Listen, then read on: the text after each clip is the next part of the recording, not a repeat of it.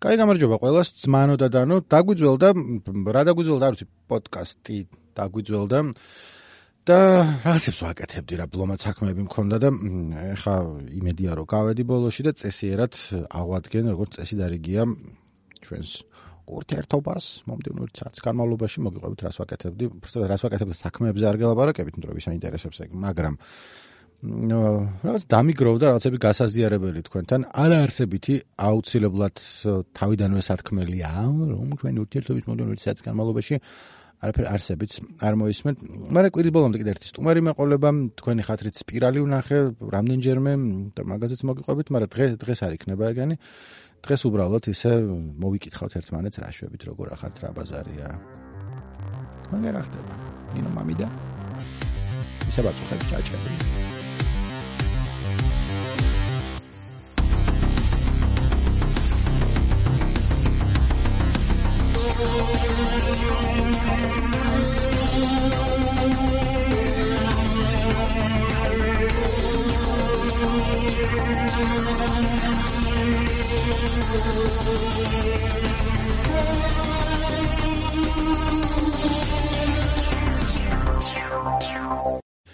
აგეთქვი ბოლო ერთი კვირის განმავლობაში რას ვაკეთებდი? ძირითადად ვკითხულობდი ლუპიტა ნიონგოზე რაღაცებს. ლუპიტა ნიონგო მე მგონი სახელს სწორად ამბობ ის გოგო აა შაპანტერაში რო თამაშობს და კიდე ჯორდან პილის ახალ ფილმში აზ რომელიც ჯერ ბუნებრივი არ მინახავს, იმიტომ რომ მე მგონი ხვალ გამოდის ქართულ კინოთეატრებში და ნახავს იამოვნებით რა ჰორორი მიყვარს და get out-ი ძალიან მომეწონა, მაგრამ რა შესაქმე. ახალ ამბებს კითხულობ ხოლმე ტელეფონში Google-ის news აპლიკაცია რო არის, რომელიც მნიშვნელოვან ამბებს გაჩვენებს და თან მაგამდე რაც აქვს დასერჩილი იმის მიხედვით და ძირითადად ტელეფონებზე მაქვს ხოლმე, იმიტომ რომ ხო იმეორ და ტელეფონები მიყვარს. ახალ ტელეფონი ვიყიდე სხვა ჩორის, მაგრამ ესეთი ძალიან კმაყოფილი ვარ. მაგაზე არ არის საერთოდ. და რაღაც მომენტში საფოსთან ერთად იმას უყურებ Black Panthers და მე რაღაცები დავგუგლე რომ მოგეწონათ ეს რატო მოგეწონათ რატო იყო ოსკარზე წარდგენილი ან საერთოდ მაგას მოუბრუნდები ახლა ძალიან ბევრი პრობლემა მაქვს Black Panther-თან დაკავშირებით, მაგრამ Google-მა გადაწყვიტა, რომ ჩემი სიყვარულის ობიექტი არის ამიერიდან ქალბატონი ლუპიტა და ყველა ყვითელი რაღაცა რო დაიდება ხოლმე რომ ლუპიტა ნიონგო ხო ნიონგოა მართლა ხო იცით ესე ვლაპარაკობ. მოკლედ რაღაც დაჯილდოებაზე მივიდა წითელი თვალებით. სტატია ლუპიტა ნიონგო ახალი სახე და საერთოდ არ მაინტერესებს ანუ არ მიმიზი და არაფრით არც როგორც მსახიობ მარს არ სულ ერთია ჩემს ლუპიტა ნიონგო მაგრამ თელი დღე მაგაზე რაღაცებს მაჩვენებს ხოლმე და ძალიან ძალიან არ მესმის. ეგა და მირჩევნია რომ unlike weubnebiyat this vote არ მინდა რამე სხვა მაჩვენეთ არა ასე ერთხელ მოусმინე ჯუდას პრის და მაგის მერე ყველა ახალ ამბავს მაჩვენებს ხოლმე ჯუდას პრისთან დაკავშირებით, რომელიც ასევე საერთოდ არ მაინტერესებს, ანუ პატივს ვცემ დროდადრო უსმენ ხოლმე, მიყვარს დაჟე, მაგრამ ეხლა რასაკეთებს რობ ჰელფორდი, საი რა ვიცი, ძალიან ბევრი რამე არ მაინტერესებს ცხოვრებაში, ისე როგორც რობ ჰელფორდის ამბავი. მოუბრუნდეთ ეხლა Black Panther-ს, რომელიც ან რისთვის წარადგინეს, ან რა ხება მოყვან, საერთოდ რა იმიტომ კი რომ მარველის ფილმები არ მიყვარს, რომელიც აქამდე ნაკლებად მიყვარდა, მაგრამ ეხლა მე და სოფომ დავიწყეთ მოკლედ საფრთხე შემშვილია 11-ის დოქტორ სტრენჯი ვნახეთ და მე გავხურდით რომ ასწორებს დოქტორ სტრენჯი ძალიან მომეწონა მე ენტმენის მეორე სერია ვნახე პირველი ნანახი მქონდა ე მეორეც ნუ უყურებ რა ადამიანი და კინოში ვიყავით კაპიტან მარველზე და იმას ველოდებით ავენჯერები ახალი რო გამოვა და მოკლედ თელმა გამბებში ვარ და გზაში ბლეკ პანტერსაც შევხედეთ რომ რატო არის ესეთი წარმატებული ფილმი რა მოაწონათ რომ იქნება რა ვიცი კოსტუმები აფრიკის ხედები საკაიფო და არაფერი მაგ ფილმში არ მომეწონა, არც სიუჟეტი, არც არაფერი, არანაირი არაფერი. და რამაც ყველაზე უფრო მომიშალა ნერვები არის, ხო, მოკლედ სპოილერები თუ ფილმი არ გინახავთ, მაგრამ რა ვიცი, ვიცი, ოდნავ ჩავწევ მიკროფონს, რომ ხმაური არ იყოს. ჩავწევ ოდნავ მიკროფონს და ნაკლებად ვიყვირებ ახლა. ხო და ვისაც არ გინახავთ Black Panther-ი, არ ვიცი შეიძლება არ იყოს თქვენთვის საინტერესო, მაგრამ ესეთი ამბავია რა, რომ არის ვაკანდა აფრიკაში გადამალული სახელმწიფო, რომელიც არის ზე ტექნოლოგიურად წინწასული, იმიტომ რომ თავის დროზე მეტეორი დაეცათ და მეტეორში იყო იშვიათი ლითონი, რომელიც ყველაფერს რაღაცა კარგად აქცევს და ოღონდ ესენი მალავენ, რომ შოებმა არ გაიგონ და ტვინი არ გაბურღონო. ჩვენც გვინდა, ჩვენც გვინდა ვიბრანიუმი ამერიკა, კაპიტან ამერიკაში ვაქ ხო კარგია და ჩვენც გვინდა და ეგეთები. მოკლედ მაგაზე არ არის. ვაკანდაში აქვს ეგეთი წესი, მეფეს როგორ ირჩევენ, რომ მეფის შვილი არის, მე მგონი ავტომატურად პრეტენდენტი, თქვა ზუსტად მაგათ საარჩევნო სისტემა ვერ გავიგე, მაგრამ იდეაში არის ეგეთი, რომ თქვა მეფე. რომელიც არ არის არჩეული და მეფის დანიშნა თუ არჩევა თუ მეფედ გახდომა ხდება შემდეგი წესის მიხედვით, რომ ერთი პრეტენდენტი გამოდის და ამბობს, რომ პრეტენზია გააქვთ ვინმე ძმაო რომ მეფე იყოს და მეორე გამოდის და ის მეორე ამბობს რომ მე მაქვს ძმაო და ჭიდაობენ თუ ჩხუბობენ და რას და ვინც აჯობებს ის არის მეფე. ჩემი აზრით ძალიან ძალიან არასწორი სისტემაა ქვეყნის ხელისუფლების შესარჩევად, მაგრამ ნუ კარგი, აქვთ. მეფე ყავთ და რაღაცა ეგრე არჩევენ. და შუა ფილმში ხდება რომ ანტაგონისტი ვინც არის მეორე ტიპი რომელიც ამერიკაში გაიზარდა და ნახა როგორც უათ ექცევიანი შავკანიანებს და გადაწყვეტა რომ ვაკანდა უფრო იყო უნდა იყოს უფრო გახსნილი და ხებს დაეხმაროს მოკლედ მოდის და მამამისი ასევე სამეფო სისხლი აქვს რა მაგას შევეშვათ ერთი წამი. და ფილმის შუაში ბოლოსკენ გამოხატავს პრეტენზიას რომ მე ვარო ეხა მეფეო და ვიჭიდაო თვეუბნება შავ პანტერას შავი პანტერა არის ვინც მეფე ხდება და ჭიდაობენ, იჩხუბებენ და აჯობებს ეს ტიპი პრეტენდენტი ვინც არის და გახდება მეფე. და ამბობს რომ ეხლა წავედითო ამერიკაში უნდა დავეხმაროთო შავკანიანებს, რომ გეტყვები რომ აჯანყდნენო და ჩვენი ვიბრანიუმის იარაღითო. რაც არ არის სწორი გადაწყვეტილება ჩემი აზრით, მაგრამ ტიპს ეკუთვნის მეფობა ჯერ სამეფო სისხლის არის მეორეც ერთი სისტემა როგორიც აქვს მან გაიმარჯვა ტიპმა პატიოსნად არუჟილკია არაფერი დაამარცხა ეს შავი პანტერა გადააგდო ხაროში თუ ხრამში თუ სადღაცა ქვევით და ამბობს ახლა მე ვარ მეფეო და როგორც ხვდები მან ყველანაირი სისტემით არის მეფე ეკუთვნის და შემდეგ ხვები ამბობენ რომ არა ვიცი ეს ცუდი მეფეო ცუდ რაღაცებს წყვეტსო და უნდა ჩამოაგდოსო და ძველი შავი პანტერა დააბრუნოთ იმიტომ რომ ის კაი ტიპი იყო. რომელიც კი ბატონო კაი ტიპი იყო მაგრამ ეხა თუ ძმახარ რა ეხა მოცოტ აზზე მოვიდეთ ყველანი იმიტომ რომ ეგ არ არის მისაღები ჩემთვის. თქვათ არის დასალური სახელმწიფო და არჩევნებში გაიმარჯვა ვიღაცა ტიპმა რომელიც არ მოგწონს მომხდარა ეგრე რამდენიც გინდა ხდება ხოლმე. გააჩნია საცხოვრო რომელს რომელიღაც ქვეყანაში არის ვიღაც ტიპი რომელიც არ გევასება შეიძლება. ტრამპი იყოს ან ჯასტინ ტრუდო ან ვიღაცა საქართველოში, მაგრამ ეგ იმას ნიშნავს, რომ უიმე არჩევნებით ჩვენი სისტემა რაც აგვაქვს, ის აიმან არის ვარგა და ეხლა ამან ვინც არის ხელისუფლებაში, ის არასწორ გადაწყვეტილებებს იღებს და ამიტომ კაი ტიპი ის არის, ვინც გადააბიჯებს ამ დემოკრატიულ პროცესს. დემოკრატიული პროცესი არ არის ჭიდაობის შედეგად მეფის დანიშნა და არაფერი, მაგრამ ნუ კარგი, ეგ სისტემა აქვს, პატივი ვცეთ რა, პატივი ვცეთ პროცედურებს ძმანოდა და ნუ არ არის ეგრე სწორი, რომ შავი პანტერა დაბრუნდა მას მერე რაც წააგო ბრწყალებში არჩევნები. არჩევნები არ იყო, მაგრამ რაც იყო, ეგ ჩემთვის არის სრულად მიღო რა რა პონტია ეგ, რა რა წესია. დანარჩენი მთელი ფილმი ჩემთვის იყო წყალში ჩაყრილი, იმიტომ რომ ტიპი მოვიდა ამბობენ რომ აა ეს ქიხა ეს ცუდია ეხლა გააგზავნის იარაღებს იქა და ყველა გაიგებს ვაკანდას შესახებ და არ იქნება სწორი და ბოლოს ერთი როგორ ხდება ეს მეფეც გადაწყვეტს შავი პანტერავის დაბრუნდება მოკლედ მე დაამარცხებს იმას და ისევ ძველი მეფე აღდგება ტახტზე სრულიად უსამართლოდ ლეგიტიმაციის ხარისხი ნული ჩემ თვალში ნული გაქვს შავო პანტერა ლეგიტიმაციის ხარისხი ასე არ მახსოვს შავი პანტერა იმის ენჯერების ბოლოს რა ბედი ეწია გადარჩა თუ არა. მაგრამ ჩემთვის აი სულ ერთია რა. მკვდარია ეგ კაცი ეგ მთელი ვაკანდა სისტემა არის ჩამოშლილი, იმიტომ რომ აღმოჩნდება რომ გვაქვს რაღაცა, გვაქვს პროცესი ხელისუფლების არჩევის და მე ამას ერთი ხელის მოსმით ყრიან ხაროში. ხარო მომეწონა სიტყვათა მაგითობი მეორებ. მოკლედ აი იყო ჩემი მოკლე რევიუ შავი პანტერის რომელიც ჩემგან იღებს ძალიან დაბალ ქულებს ყველაფრის გამო არაფერი არ მომეწონა მაგ ფილმში. და მე არა ვარ ხშირი მოჭარბებული პოლიტკოლექტორობა და რაღაცებს რო ამბობენ, მაგრამ შავკანიანებს რო არ ყოფილიყო ფილმი და რაღაც აფრიკული ფანტაზია, არანაირად ოსკარზე ნომინაციაზე არ გააჭაჭანებდნენ, იმიტომ რომ არის ჩვეულებრივი მარველის ფილმია. იმავე წელს უკეთესები აქვს ალბათ გადაღებული. თუ მაინც დოქტორ სტრენჯი წარადგინეთ ოსკარებზე, გაცილებით უკეთესი ფილმია და მაგ ლამაზიც არის შესახედავად და ეს არ შესახედავად არ მომეწონა არაფერი მომეწონა აქ ბლეკ პანტერში რა იყო ჩვეულებრივი ფილმი რომელიც არ იყო კარგი. აი ეს არის ჩემი კომენტარი. აა რას ვაკეთებდი კიდე გითხრათ? აღმოაჩინეთ ძველი საბჭოთა ელექტრონული ტრეკები. ძველი არის 80-იანი წლების დასაწყისის, რომელიც ელექტრონული ტრეკი თქვათ ხა ბენკლოკთან ნუ წავალთ, მაგრამ უბრალოდ ჟან მიშელ ჟარე მაგის ამბავში და როგორც მივხვდი, უმეტესობა იყო მარკეტირებული, მარკეტინგი ქონდა ესეთ გაკეთებული სავარჯიშო მუსიკა და გრამფირფიტებზე იყო რაღაც სავარჯიშო მუსიკა. და ბლომათ არის ეგეთები YouTube-ზე და არის ძალიან საყვარლობები და ერთ-ერთი რომელიც მომეწონა უბრალოდ იმიტომ რომ ყაზახურია. ყაზახური space electro არის ჟანრი.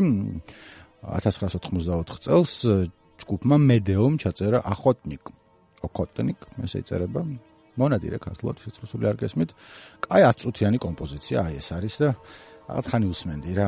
ძირითადად იმის ხათრით რომ ვიღაცასთან გაამარიაჟო, ხო, რომ მიდიხარ მანქანით და ეს რას usmen ვიღაცა რო გეკითხება და ეს ყაზახური space electro-ა 80-იანი წლების დასაწყისიდან და ამბობენ.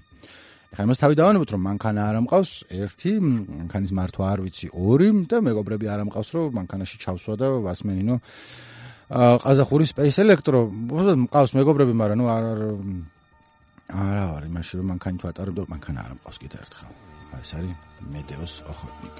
თქვენ თუ ყავთ მეგობრები და მანქანა და მარტო ეცით აი ეს არის ის.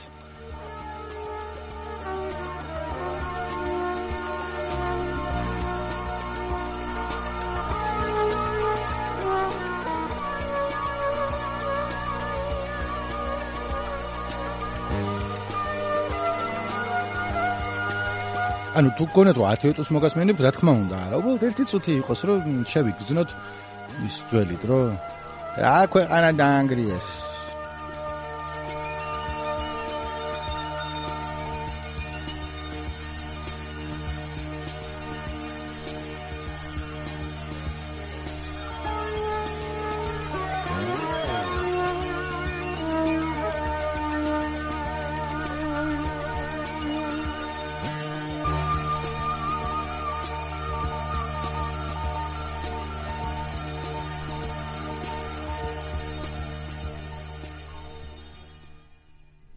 ეხლა შესწორებას შევიტან ამ ჩემს ნათქვამში, როგორც ჩანს 10 წუთიანი კომპოზიცია კი არ არის, ხა თვითონ YouTube-ზე იყო 10 წუთიანი აუდიო ფაილი და ალბათ არის მცირე ზომის გრამფირფიტის კერო დასავლეთში IP-ს უწოდებდნენ მაგისი რიპია, რომელიც ვიღაცას არ დაეზარა, ვიღაც კეთილს დაულოცოთ ოქროს ხელები და აწვერთა YouTube-ზე.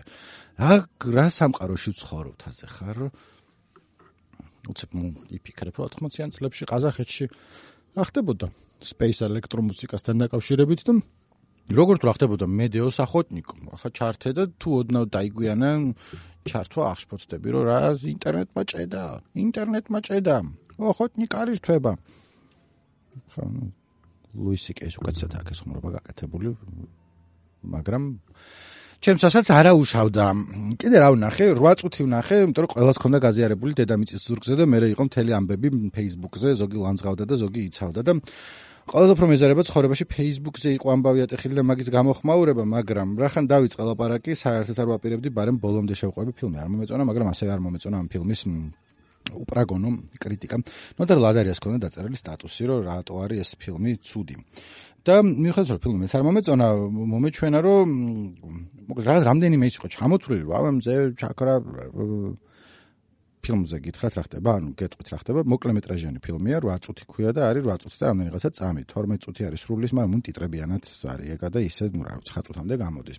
და არის ფონი მიმდინარე მოვლენების არა მზე ჩაქრა ოღონდ მზე რო ჩაქრა ჩვენთან ის ჩამქრალი შუქი ანუ შუქის არარსებობა პლოტინს რო დავესესხოთ ხო გასწავლინა ხოლმე ვეფხის ტყავსანში ეს ნეოპლატონიზმის ამბებს ღმერთო რატომ აქვს ცნობიერების ნაკადი? მოკლედ ეს ჩვენ დავინახავთ 8 წუთის და რაღაც მერე რო შუქი არ არის და ამ ხნის განმავლობაში ერთი კაცი მთავარი გმირი ვინც არის ცდილობს რომ თავის შვილთან რომელთანაც ურთიერთობა გაწყვეტილი აქვს ურთიერთობა დაამყაროს არ არის სწორი ნათქვამი მაგრამ ბოლოჯერ გააოცოს რაღაცით ისეთი რა პიროვნული დრამა ზოგადად აპოკალიფსის ფონზე. და ასომბობდი ხო ამ კრიტიკა რატო არ მომეწონა რომ ბოლორი პუნქტი იყო რომ რეჟისურა სირობა სცენარი ნული თუ რაღაცა რომელიც მე მგონია თუ ახლა რეჟისურაში რაღაცა არ მოგწონს მაგრამ თქვი ესა და ეს არ მომეწონა და მე ვიღაც ხან არ დაგეთანხმება ან დაგეთანხმება მაგრამ თუ რამე გასაშლელი და ჩასაშლელი სცენარი რატო არ მოგწონს თქვი ხა მე იდეაში სცენარი რა პონტი თვითონ მომეწონა ხა რაც მოყვე მე მგონი უინტერესო არ არის და კარგი იდეა არის მე ნაკლებად მომეწონა განხორციელება იმიტომ რომ უფრო გონებით გავიგე რა ხდებოდა ფილმში ვიდრე გულით ვიგრძენი, ანუ არის რომ ვთქვათ, мама ურეკავს შვილს ტელეფონზე და იგრძნობა თუ ჩანს რომ მათ შორის შავმა კატამ გაირბინა, რაღაცები მოხდა და აღარა აქვს კაი ურთიერთობა აწყობილი. ოღონდ ეგ უფრო ტექსტით ხვდები, ვიდრე მსახიობების თამაშით. ხარ მინდა იქ შევიდე მსახიობმა კარგად თამაშობს თუდად. არა ვარ მაგის ექსპერტი, მაგრამ ნუ იმის ექსპერტი ვარ რომ გრძნობ გულში ვიგრძენი თუ არა. ექსპერტი კი არა ვარ, ნუ ვატყობ რა, რომ მოიტანა თუ არა, რომ ო ამათ ურთიერთობა არ აქვს და არ მოუტანია. უფრო აი რაღაც სხვების რემარკების მიხედვით ხვდები ამ ყველაფერს და ასევე რა ვიცი რა.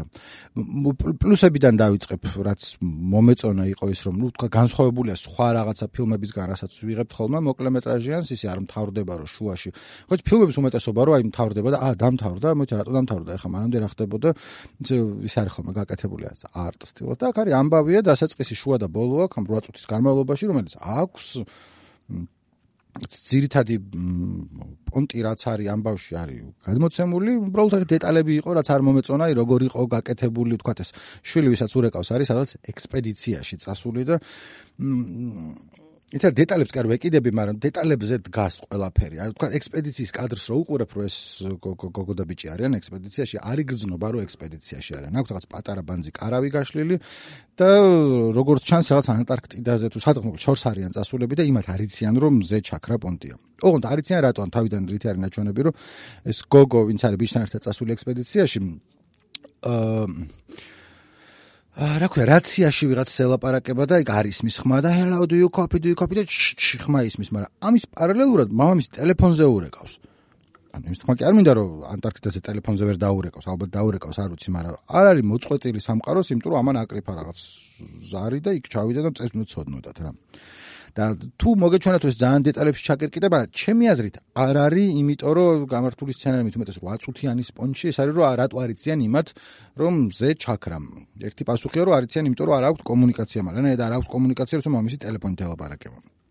და ეს ხასკი არ უსვამს ყველაფერს და ამის გამო კი არ გაფუჭდა, მაგრამ ნუ ხო არის უკეთესი და უარესი და მოსაწონი უნდა ვაკეთოთ და რაც უფრო გამართულია და ჩანს რა რატო ხდება მით უმეტეს როცა მოკლე არის ფილმი მით უფრო მოსაწონი არის. ეს არის ჩემი კომენტარი. და ასევე დეტალები რაც ხდება თბილისში. დავით პირველი როგორც იწყება ფილმი რომ შავ ეკრანზე არის ახალი ამბების ხმები ისმის და ხმები არის რომ რაღაცა გადატვირთულია რეისები იაპონიის და ამერიკის მიმართულებით. რაც ცოტა აბსურდშია გადასული და ეგრე რო გაგზელებულიყო კი ბატონო მაგრამ სად მიფრინავენ ამერიკის და იაპონიის მიმართულებით თუ მზე ჩაქრა? ცოტა გაუგებარია რა გასაგებია რომ ვინ რას მიაწყდა აღარ ვიცით და ხალი გამოდის ამბობს რომ ჩემი ხალიჩა წამოიღეთ ხალიჩა და რა გეხალიჩება როცა აპოკალიფსია ფაქტობრივად აღარ იქნება. სიცოცხლე მზე თუ ჩაქრა მარავითარ შემთხვევაში.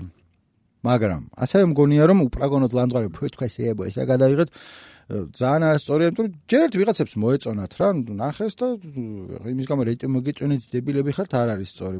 მეორე მხარეს არც არ არის სწორი, რომ რატო აკრიტიკებ ამ ფილმს, ამან ბევრი პრიზი მიიღო სხვა სხვა ფესტივალებზე, რაც რა მე პირადად კიდე არ კი არა, პირიქით წარმატება მიხარია ახლობლებს უმშავიათ მაგ ფილმში და ხალხსაც პატივს ვცემ და არაფერი გასალანწყპონში არ ვამბობ ფილმზე არაფერს, მაგრამ ნუ ხა ის არგუმენტი რომ შენ აზრს არ აქვს მნიშვნელობა ჩემ ჩემს კი არ ვთქვამს ვინმეს მაგრამ ნუ ვაგზელებ რა რომ რაღაც ამერიკაში პრიზი მისცეს მისცეს მის გინა ოსკარი ქონდეს მიღებული რაღაცა თუ არ მოგეწონა და რაღაც დაბეჭდება დარჩა მე მგონი ჯობია რომ გამოხატო აი მომზადებული რომ ყოფილიყავი ფილმის რეცენზიისთვის უბრალოდ დაალაგებულად გეტყვით მაგრამ მე ძალიან არეულადაც არ მithქვამს უბრალოდ ჩვევია ხოლმე თავში და ბოლოში როცა რაღაცას ვიტყვი ბოდიშებით დაწყება და დამთავრება. რაც ცუდი თვისება, მაგრამ ეხლა ხა გამომასწორებს გასული ვარ უკვე. მესამე აქტში ცხოვრების თუ მესამე აქტი ცხოვრებისაც ცოტა ვაჭერს. აა, კაი, იმას ვიზამ. ვაკანდას მოუბრუნდები ორი წამით, ანუ შავ პანტერაზე კი აღარ ვილაპარაკებ, მაგრამ რო არ გამოვიდეს რომ რაღაცა აფროამერიკელების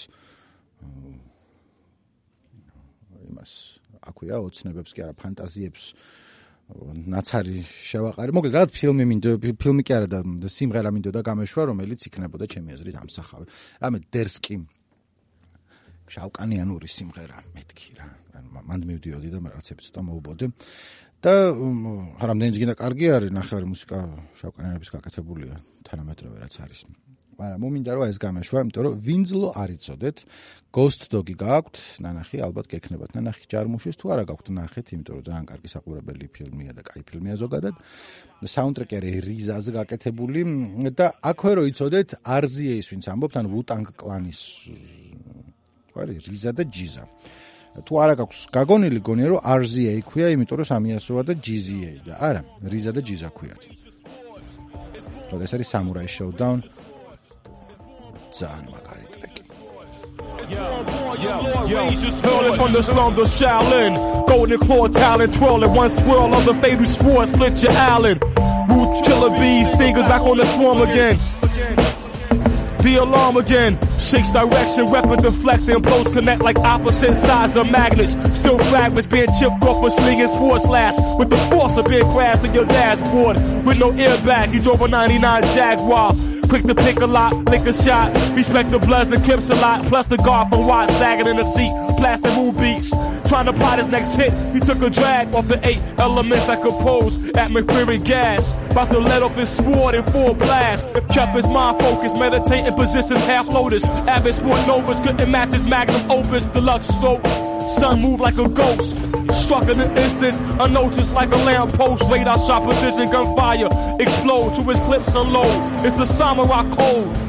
It's born, born, young lord, raise your sword.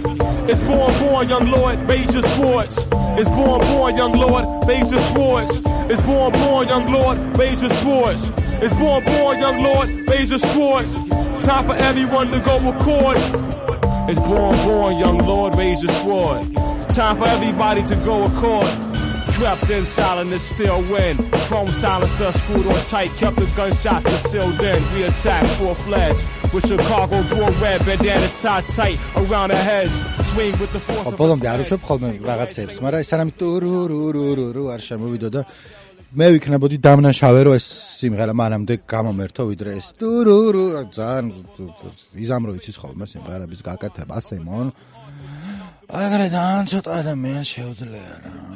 ეხა იცი რა მომენა ეხა მივხვდი რომ კაი ხანი აღარ დამждар ვარ ესე და აღარ მილაპარაკია და რაც უფრო დრო გადის ხოლმე მე რას მიუტან ჩემს მენელის და რას დამახვედრებს ის მე ილია ჭავჭავაძეს კი არ დავწინოდი რომელთანაც იყო ეხა ანალოგია რომელიც საკუთარ თავს მაგრამ ხო რაღაცა გვიყვარს ერთმანეთი და გვაქვს რა მოკლედ რა მადლობა რომ დაგველოდეთ და გვისმენთ ამ პოდკასტს ძალიან ვაფასებ.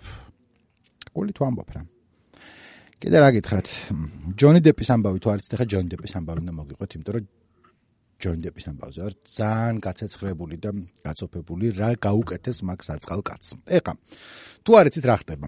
ამ რამდენიმე წლის წინ ჯონი დეპი გაშორდა თავის პირველ ცოლს მოიყვანა მეორე ცოლი პირველზე და მეორეზე თავს ვერ დავდებ, მაგრამ ვანესასთან იყო დიდი ხნის განმავლობაში და დაქორწინდა ამბერ ჰერდზე, რომელიც არის მოდელი და მსახიობი და რაღაცნაირი ტიპი, რომელიც რამდენიმე წელი წინ გაშორდა ჯონი დეპს.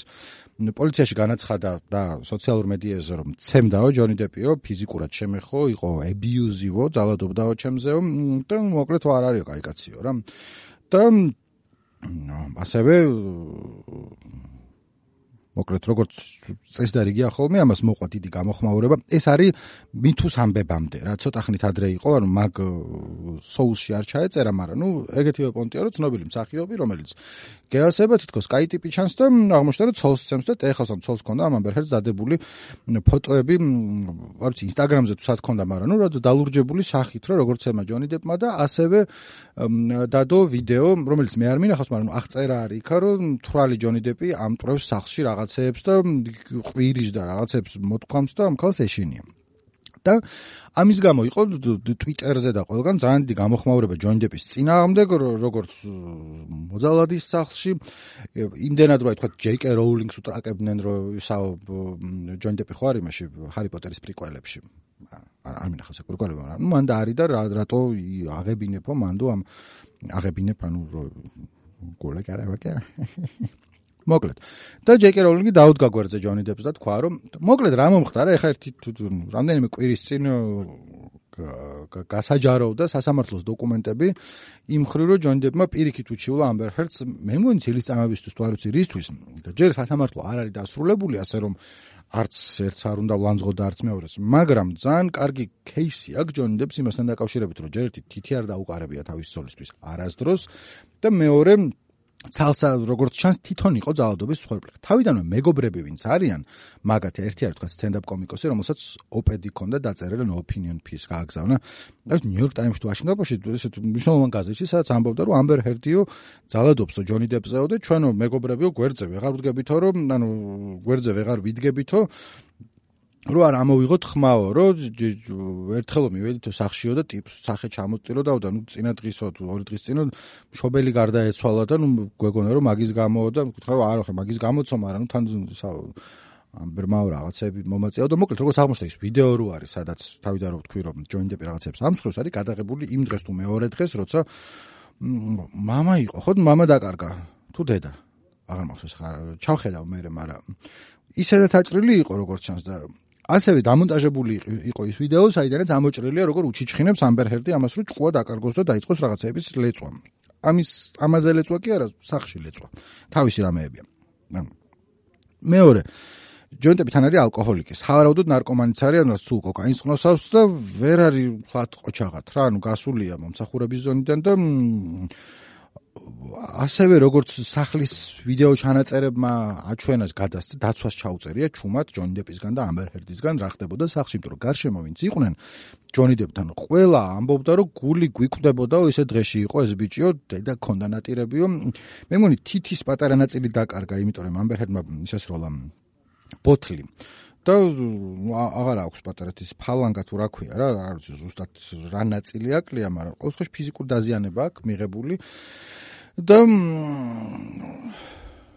ხო რა რა რა უსინდისობა გამოდის. თან მე აღმოჩნდა რომ მანამდე ვიდრე ჯოინდებს გაყვებოდა ამერჰერდი ყავდა გერლფრენდი. ნუ ეგეთი ტიპია რა მანამდე გოგო ყავდა.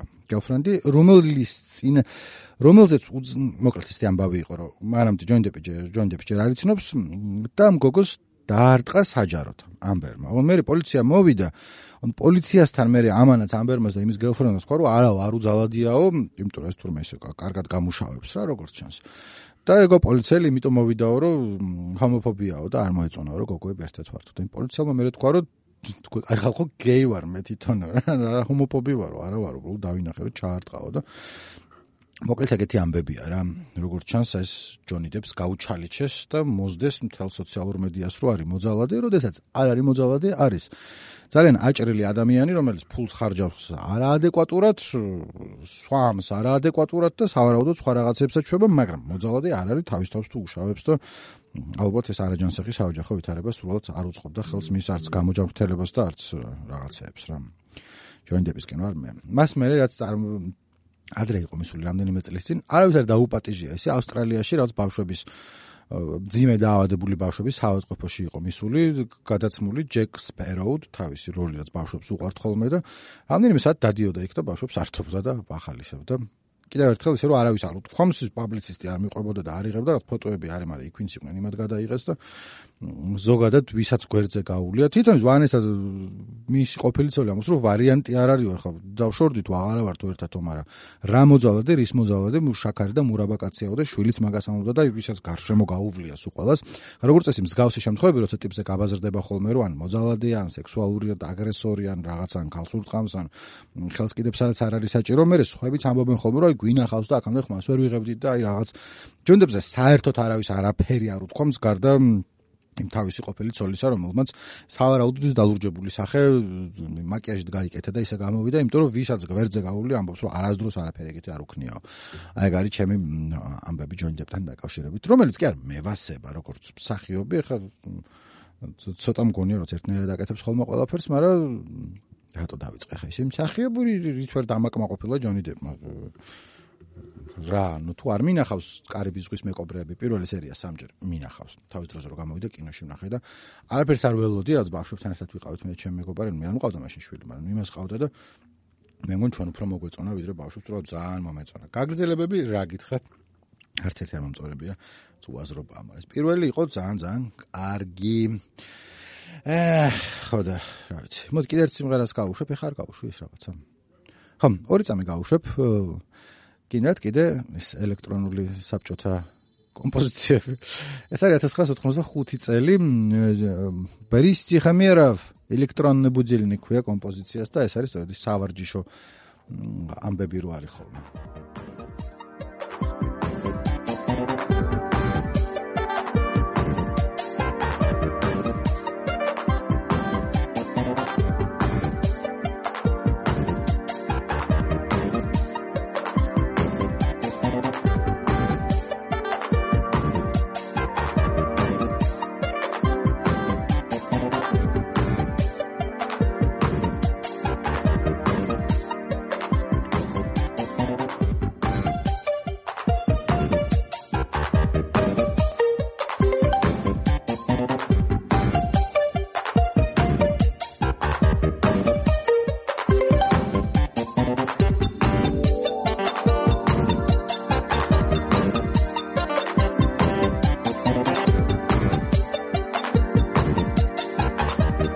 რა გითხრათ ხა? კრაფტვერკი არ არის, მაგრამ რაც არის ასწორებს თავისი რაღაც.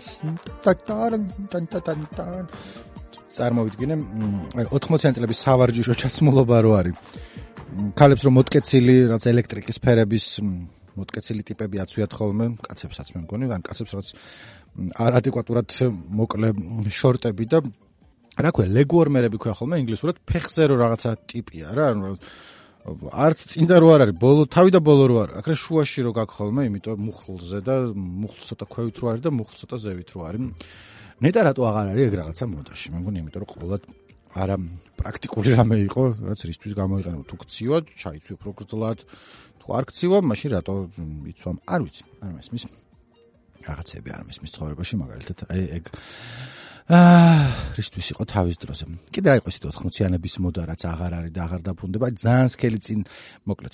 ხო იყო ხოლმე 80-იანების ფილმებიდან, ვიცი ძირითადად. ხა ცხოვრობდი მაგდოს, მაგრამ სახშტია ჩემი ეგრე არ დადიოდა ჩაცმული და მამა ჩემი და ტელევიზორში უფრო ხედავდი ხოლმე ერთი ძალიან დაშპაკლული ქალები რო იყვნენ ხოლმე. უმანკო გამომეტყველებს, აი ძველი რომანტიკული კომედიები რო არის 80-იანი წლების. ყველას რო აქვს აი ფერუმარელი თუ რუჟი თუ რა წასმული, გათეთრებული სახით წითელი შეთხაპნილი აქვს საერთოდ სულ ყველგან და თმა რო არის გახეშებული, იმიტომ რომ რაღაცა იმდენ რაღაც დაისხეს ზედ რო გლობალური დათბობა მოაწყვეს 80-იან წლების თაობამ. აიგენი, ხო და მაგაზე კი არა, ასევე აი საყვარელი ასნაირი ქალი თუ იყავი მეგრაიანის სტილის სახში გეცოს სქელი წინდები, on სქელი წინდები არა ბებოს მოქსოვილი მთიდან ჩამოტანილი, არამედ რაღაცნაირი ჩუსტი წინდები იყო, რომელიც სახში ეცვათ ხოლმე და ასევე ძალიან მიუღებელია ჩემთვის ჩუსტებით რომ კატიან გარეთ ქალები მარკეტში რაღაცის საყიდლად ფუმფულა ჩუსტები რო არ ხოლმე გარეთ რო გამოდიხარ და მე სახში შედიხარ. ჯერ ერთი ჭუჭყი შეგაკ სახში მეორეს ერთი არავის ყოველას ხეული ყოველას უფლება და არა ვარ მე ფეშენ კონტროლი და მე თანაც არ მაცვია ესე რომ ვინმეს რამე უკონტროლო ვის რა აცვია მაგრამ ეს ხალათით და ფუმფულა ჩუსტებით გარეთ გამოსვლა მე მგონი ცოტა ის არის რა ცოტა თავს უნდა მიხედვა და მე მგონი და მაღლა აწიო თავი და თქვა რომ არა მარკეტში გავდივარ თუ სად გავდივარ არ არის აუცილებელი რომ გამოეწყო და მაღალი ქუსლები გეცვას მაგრამ ცოტა რაღაცა არ უნდა ყვიროდეს შენი გაუმეტყველება რომ მე ჩაქნეული მაქვს ჩემ თავზე და ცხოვრებაზე ხელი და სახლის ადამიანი ვარ რომელიც მარკეტში გადის რომ 4 კვერცხი იყიროს და ნამცხრები ტკბილი ქვეყნის თუ რომელიღაც ეს არის მარკეტებში რო დევს ხოლმე ღია ყუთით რომ მოაქვთ რომელიც ალბათ ახლა არაფერს არ დაგიშავებს გარდა იმისა რომ შაქრის ბაქანალია მოწყობილი და შაქრის შაქარი შაქრით შაუფრად და თავი არის ანუ არაფერში არ არის შეფუთული დევს სავსე არის რაღაც ბაქტერიებით რომელიც კერთხელ არა ვარ რაღაც ყველაფერი სუფთა უნდა იყოს მაგრამ რაღაც მარკეტში რო კუთხეში ნამცხვარი დევს კრემიანი რანაირად ხო? რანაირად ხა მე მე წარმომიდგენია ეგ რა თქმა უნდა ჭამა. მაგაშობის სნიკერსი იყიდონ, ისი ჩაქარი, ესე ჩაქარია და ქემენს შეფუთულია რაღაც ქარხანაში, სადაც ალბათ იცავენ ჰიგიენის წესებს. კი არ ვამბობ, რომ იმ ნამცხრის ქარხანაში არ იცავენ წესებს, მაგრამ გადაზიდვის დროს რაღაცა ხავს დადებ, რაღაცა მზევიდან არ დააცემინა. ხავს დადებ, კი დარწმუნებული ვარ, რაღაცა დააცემინა ზევიდან, ჩემს ძალიან მიუღებელი აქ ნამცხრები. ძალიან მიუღებელი ჩემს ნამცხრები, ნელა გადავედი რაღაც ვიდეო ბლოგის შირა წერენ ხოლმე სხვა სხვა ადამიანები ამ ხმით მე დავიწყე ლაპარაკი. ხო და რუსულზე რო ლაპარაკობდი მინუტა ასევე რუსული თუ გამაგზავნები ნახეთ რომ მოვდიოდი ქუჩაში რა ნატალი პორტმანის ფოტო იყო რაღაც პოსტერზე და ახლოს მივედი აღმოჩნდა რომ არ არის ნატალი პორტმანი და ვიღაც ქალია რომელიც რუსულ ლექსებს კითხულობს და რუსულ ლექსებს რო კითხულობს იმიტომ მეგონა რომ ზედა წერია ახ ასტახავა სავარაუდოდ ეს ქალია ასტახავა მაგრამ ვიდრე მიხვდებოდი აა თქვა ჩემთვის არ მომხდარა მაგრამ ახმატოვა მეგონა. ახმატოვა კი არ წავიკითხე ასტახავა წავიკითხე და გადავთარგმნე რომ ეს ახმატოვას ლექსებს კითხულობს ეს ტიპი. და რო იცოდეთ არის ეგეთი. ახასტახავა ხდება თბილისში, ან მოხდა ყოველთვის გუშინ ნახეს პოსტერი. და ვიღაც ქალია რომელიც სათანადო მაკიაჟის და რაღაცის შემდეგ ერთგვარად გავს ნატალი პორტმანს. ახლოდან რომ შეხედა აღარ გავს, მაგრამ ნუ რაღაცით გავს. ახან რუსებზე იყო ლაპარაკი, ალიონა აპინაზე უნდა ვილაპარაკოთ. ალიონა აპინა არის რუსი მომღერალი, იყო, არ ვიცი, ეხლა მღერის თუ არა, ალბათ მღერის, მაგრამ ნუ 90-იან წლებში რუსული პაპსის, რუსული ესტრადის ერთ-ერთი სახელოვანი წარმომადგენელი იყო, რომელთანაც ინტერვიუ ვნახე. ვიღაც ქონდა Facebook-ზე გაზიარებული და სათაური ქონდა ესეთი, რომ ყველა რუსი ქალის ეროტიკული ოცნება პუტინია, იმიტომ რომ აი ხო ვერ გაცდნენ. რა ეს თან ეს აპინა დიდია უკვე 50 წლის და რა პრინციპში ასაკეთ შეეფერება პუტინი, რა ვიცი, მაგრამ მე გადავედი ვიდეოზე და საპინას სახეზე ვერ ვიცანი. როგორც მივხვდი, ყოველთვის რაღაცნაირი არადასამახსოვრებელი სახე ქონდა, მაგრამ იყო რაღაცნაირად მობერებული არის თქვა, მაგრამ რუს პოპ ვარსკვლავები, რუსებიც მათ შორის, ხო, სხვანაირად ბერდებიან ხოლმე, შეხედან ოპერაციები აქვს გაკეთებული და გვანან ხოლმე დაბერებულ საესტრადო ვარსკვლავებს და არა ჩაულებრივ ქალებს, რომლებიც მობერებული. ალენა პინე ყავს ძალიან ჩაულებრივი სახში, რომ შეხედან ხოლმე და ისინი ბაზე ლაპარაკობდა რომ ას პუტინის უნდა გესისრებოდეს ღამე თუ ხარ ნამდვილი ქალი და ასე შემეცოდა და მე გამახსენდა აპინე თავის დროზე თან ის არისო რომ რაღაც ერთ-ერთი მორიგი ტანია ბულანოვა არის ბევრი ცნობილი სიმღერა ქონდა და მე ეს სიმღერა გაშვებული მაქვს თავის დროზე მაგრამ წავალ წამოვალ და უბრუნდები ხოლმე სიმღერა არის რომელსაც აპინაც მღეროდა სხვა ორ გოგოსთან ერთად თავიდან იყო 90-იანების დასაწყისში ჯგუფში კომბინაცია კომბინაცია არის სიტყვების თამაში, რომელიც განსაკუთრებულად თამამი იყო 80-იან წლების 90-იანების დასაწყისში, იმიტომ რომ კომბინაცია ნიშნავს კომბინაციას და ასევე არის თეთრეული ქალის, ანუ ზედი იძინებ კი არა, ტრუსიკი თეთრეულიო. ზუსტად რომელი არ ვიცი, მაისურის და ტრუსიკის კომბინაცია, ანუ ერთად მთლიანი ტიპი რო აცვიათ ხოლმე, მგონი ეგ არის. და მაშინ იყო უხამსი სიტყვა. და კომბინაცია როგორ დაარქვეს და სხვა სხვა სიმღერებს ღეროდნენ, ვიცი, girl band-ი იყო, ეს სამნი მღეროდნენ და კონცერტებზე კიდევ ვიღაც ბასზე უკრავს, ვიღაცა დრამზე, ყველანი ქალები არიან და ქონდათ რამდენიმე ცნობილი სიმღერა. ალბათ ყველაზე ცნობილი, ну, ერთ-ერთი მაინც იყო American Boys მღეროდნენ American Joy, we are the star boy, Moskva, Prussia და კიდევ ბუღალტერ. он ბუღალტერს ღთი არ ამბობდნენ, იმიტომ რომ რუსების ალბათ ბუღალტერი იყო, არ ვიცი, მაგრამ ეხა მაგებს არა გვაქვს ლაპარაკი, გვაქვს ლაპარაკი სიმღერაზე, რომელსაც კიდევ ერთხელ ბოდიში თუ უსმენთ ხოლმე სულ პოდკასტს და მოსმენელი გაქვთ. ქვია დვაკუ სოჩეკა კალბასკი. ამ სიმღერაზე მაგ გაჭედილი, იმიტომ რომ არის თვითონ ჯგუფი, ან გეტყვით ხარ. არის დაბალი დონის რუსული საესტრადო სიმღერა, რომელსაც როგორც რაღაც ინტერვიუ მაქვს წაკითხული ერთ-ერთ გოგოსთან სამიდან აპენას გარდაშვების სახელები არ ვიცი, რომელიც ამბობდა რომ მაგრა გვიტყდებოდა ამ კალბასკის სიმღერაო, სიმღერაო და კონცერტებზე რომ მივიდიოდითო მე რომ ხალხიც კალბასკა, კალბასკა ესე იძახოდნენ და ჩვენ თავი გვეზიზღებოდა რომ მომღერლები ვარ თუ რაღაცა კალბასკაზე რომ სიმღერას ვღერი ვართო, მაგრამ მაგარი სიმღერაა იმიტომ რომ ჩემი აზრით ერთ-ერთი ყველაზე უფრო კარგი აღწერა არის 90-იანი წლებისში რა მოხდა საბჭოთა კავშირის ორ წინადადებაში ჩატეული პოეზია ლამის, იმიტომ რომ იწება სიტყვებით გოდ ნოვენასტუპილ კუშეც სტალანიეჩევა. ახალი წელი დადგა, საჭმელი აღარ იყო, თან კუშეც, ეს კი არა რაც კუშეც ცოტა უფრო ისეთი ამ დაბიური, სიმღერაც არის დაბიური, მაგრამ ეს არ არის ცუდი რომ დაბიურია აქვს თავისი რაღაცა ისა. და მე შენ მე მომიწვიე ტიმინა პრიგლესილ ის კაზალ დავერჩივა დავერჩივა ნიჩევას რითმის ამბავშია რომ თუ თუ ამაყი არ ახარ მოდი და გაჭმევ ზეხუსო კალბას უფროსო კალბას გაჭმევ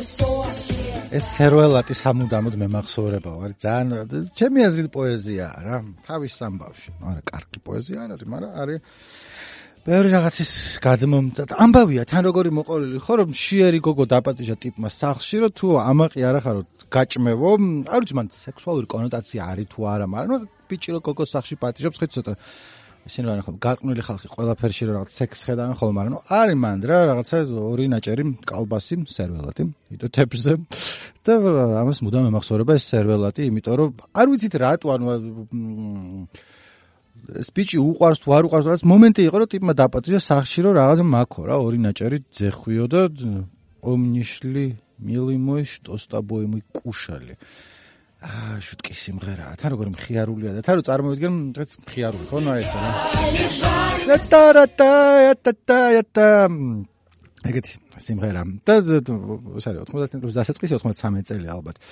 და მაშინდელ დისკოტეკებზე რუსეთში ხა ჩვენთან ალბათ ნაკლებად, მაგრამ ჩვენთანაც იქნებოდა ეგ პონტი, რომ დისკოტეკაზე უფრო ის კი არ იყო ჩართული ყაზახური ელექტრო სპეისი თუ სპეის ელექტრო, ესენი იყო ხომ საცეკაო სიმღერა არის იდეაში და ალბათ ცოტა კარგად რო დათვრები და მაშინ თან ისე იყო რომ გაგახსენდებოდა შენი ორი ნაჭერი ძეხვის ადეგა კნაჭამი რა შეიძლება სერველატი არ იყო და მოხარშული კარტოფილი იყო ან მარილ მოყრილი караქიანი პური ან რაღაცა მაგრამ შენი კარგად გეცეკვებოდა სიღარიბის გახსენებაზე. გადმურტალი რამე არა. თუ აკუსოჩეკა კალბასკი კომბინაცია მოკლედ აბერდა ალიონა აპინაც და თვითონ არ უყართ მოკლედ ეს სიმღერა როგორც გითხარით ძალიან ესეთი იყო დაბალი დონეა ჩვენ მუსიკოსები ვიყავით. მილი ბუღალტერს კარგად მღეროდნენ. ეგ მოსულად ეს თუ აკუსოჩიკა კალბასკი ჩემი აზრით მათი საუკეთესო ნამუშევარი შერყნეს და ამბობდნენ რომ არ გვინდაო რომ ეგ შევასრულოთო. სულელები იყვნენ მაგიტომაც არიან ახლა რომ ეროტიკული შიზმარი ჩვენი არის პუტინი. ხა არ ვიცი მან ვიყავ და ბოლოში რაც მინდა რომ გაგიზიაროთ ვიდრე წავიდოდე არის ამასთანავ გამახსენდა მაგთის რეკლამა გადმორეკე. ვისაც არ გახსოვთ ზოგი ახალგაზრდა ხართ იყო რამდენიმე წლის წინ ბლომა წლის წინ 10 ალბათ მეტი კიდე ჯეოსელის ჰქონდა უფრო სეცკი რაღაცნაირი რეკლამები და მაგთის ჰქონდა უფრო ხალხოსნური ქართული რეკლამები და ერთ-ერთი იყო გადმორეკე. რომლის სიუჟეტი არის რომ ვიღაც გოგო თბილისელი არის მთაში წასული სადაც გაიცნობს წემს და რაც არ ფლირტი აქვს თუ რაღაც უღიმიანეთ მაინც და აი გადმოარეკე ეს გაგეუბნება და ჩამოვა თბილისში და შემდეგი კადრი корпуსის ქვეშ корпуსი იყო არ მახსოვს არ მინახავს ხდი ხანია ეს ბიჭი არის ცხვრის ფარასთან ერთად და ეს გადმოიხედავს გოგო გაცინებული რომ რა გინდა აქ რეზი თუ რაც გიორგი რეზი რატო არ ქმნოდა?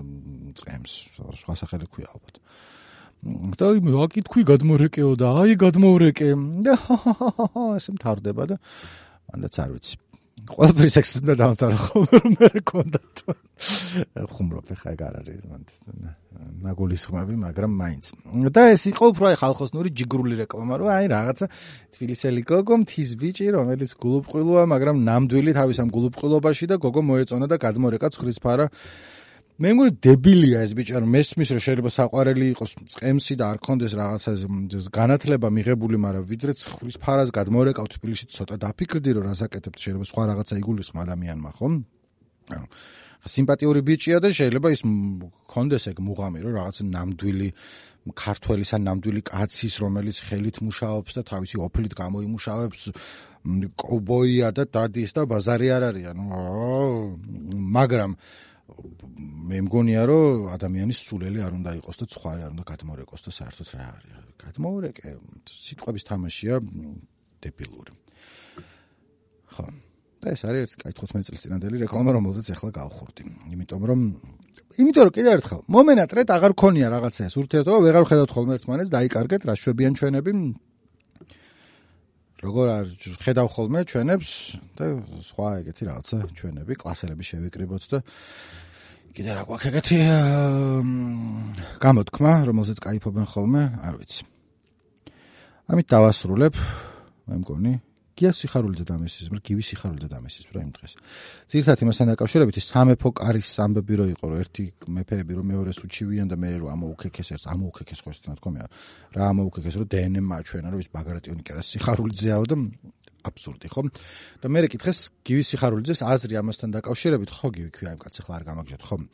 და მას ჰქონდა რაღაც რამდენიმე წინადადებიანი პასუხი იყო, რომელშიც ყველაფერში დავეთანხმე 100%. ანუ რაც მწვანე, მწვანე, მწვანე აინთო რაც ხშირად არ ხდება ხოლმე, როგორც წეს თუ გივისი ხარუძესთან ინტერვიუს კითხულობ, 50%-ია, რაშიც არ ვეთანხმები რბილად, რომ თქვა, მგონია ხოლმე, რომ ძალიან არასწორ რაღაცებს ამბობს. ამჯერად თქვა, სწორზე სწორი რამეები ერთმანეთის მიყოლებით, ერთი თქვა, რომ რა ყოველს მეფეობა აუტო რა. რა მეფეობა აგიტყდათ, რომ მეორეო დებილიო. არც ბაგრატიონი მინდა და არც სიხარულიძეო და მესამე სამეფო გვარიო, ჩემთვის ის ვინც არის, ვინც საქართველოსთვის იღწვისო და ხალხზე ფიქრობსო და არა ისა გვარი ვისა აქო და სისხლისა. აბსოლუტურად სწორი რაღაცეები თქვა თავიდან ბოლომდე და მე მაგიტო დამესიზმრა. და რა დამესიზმრა, რა ვიცი, მოსაყოლიან დიდი ხანია უკვე მინდა რომ პოდკასტი ჩავწერო და ჩამოწერილი მქონდა რაღაცები, რაზეც უნდა მელაპარაკა. და იმ წუთას მახსოვდა რა კარგი სიზმარი იყო გივი სიხარულიძესთან ერთად რაღაცებს მსჯელობდით და ეხლა მე დამავიწყდა. თან ახლა სხვა სიზმრის მოსმენა გინდათ რომ არ გინდათ. რაც არ უნდა გივი სიხარულიძე იყოს.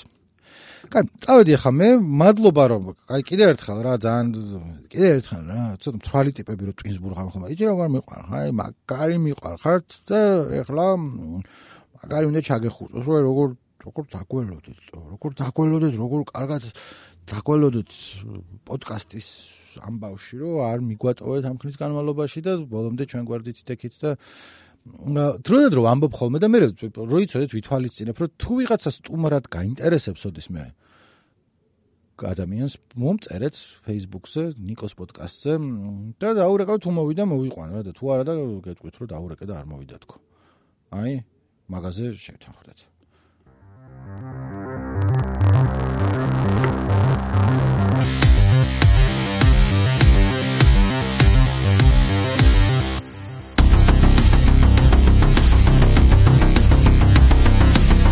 Oh,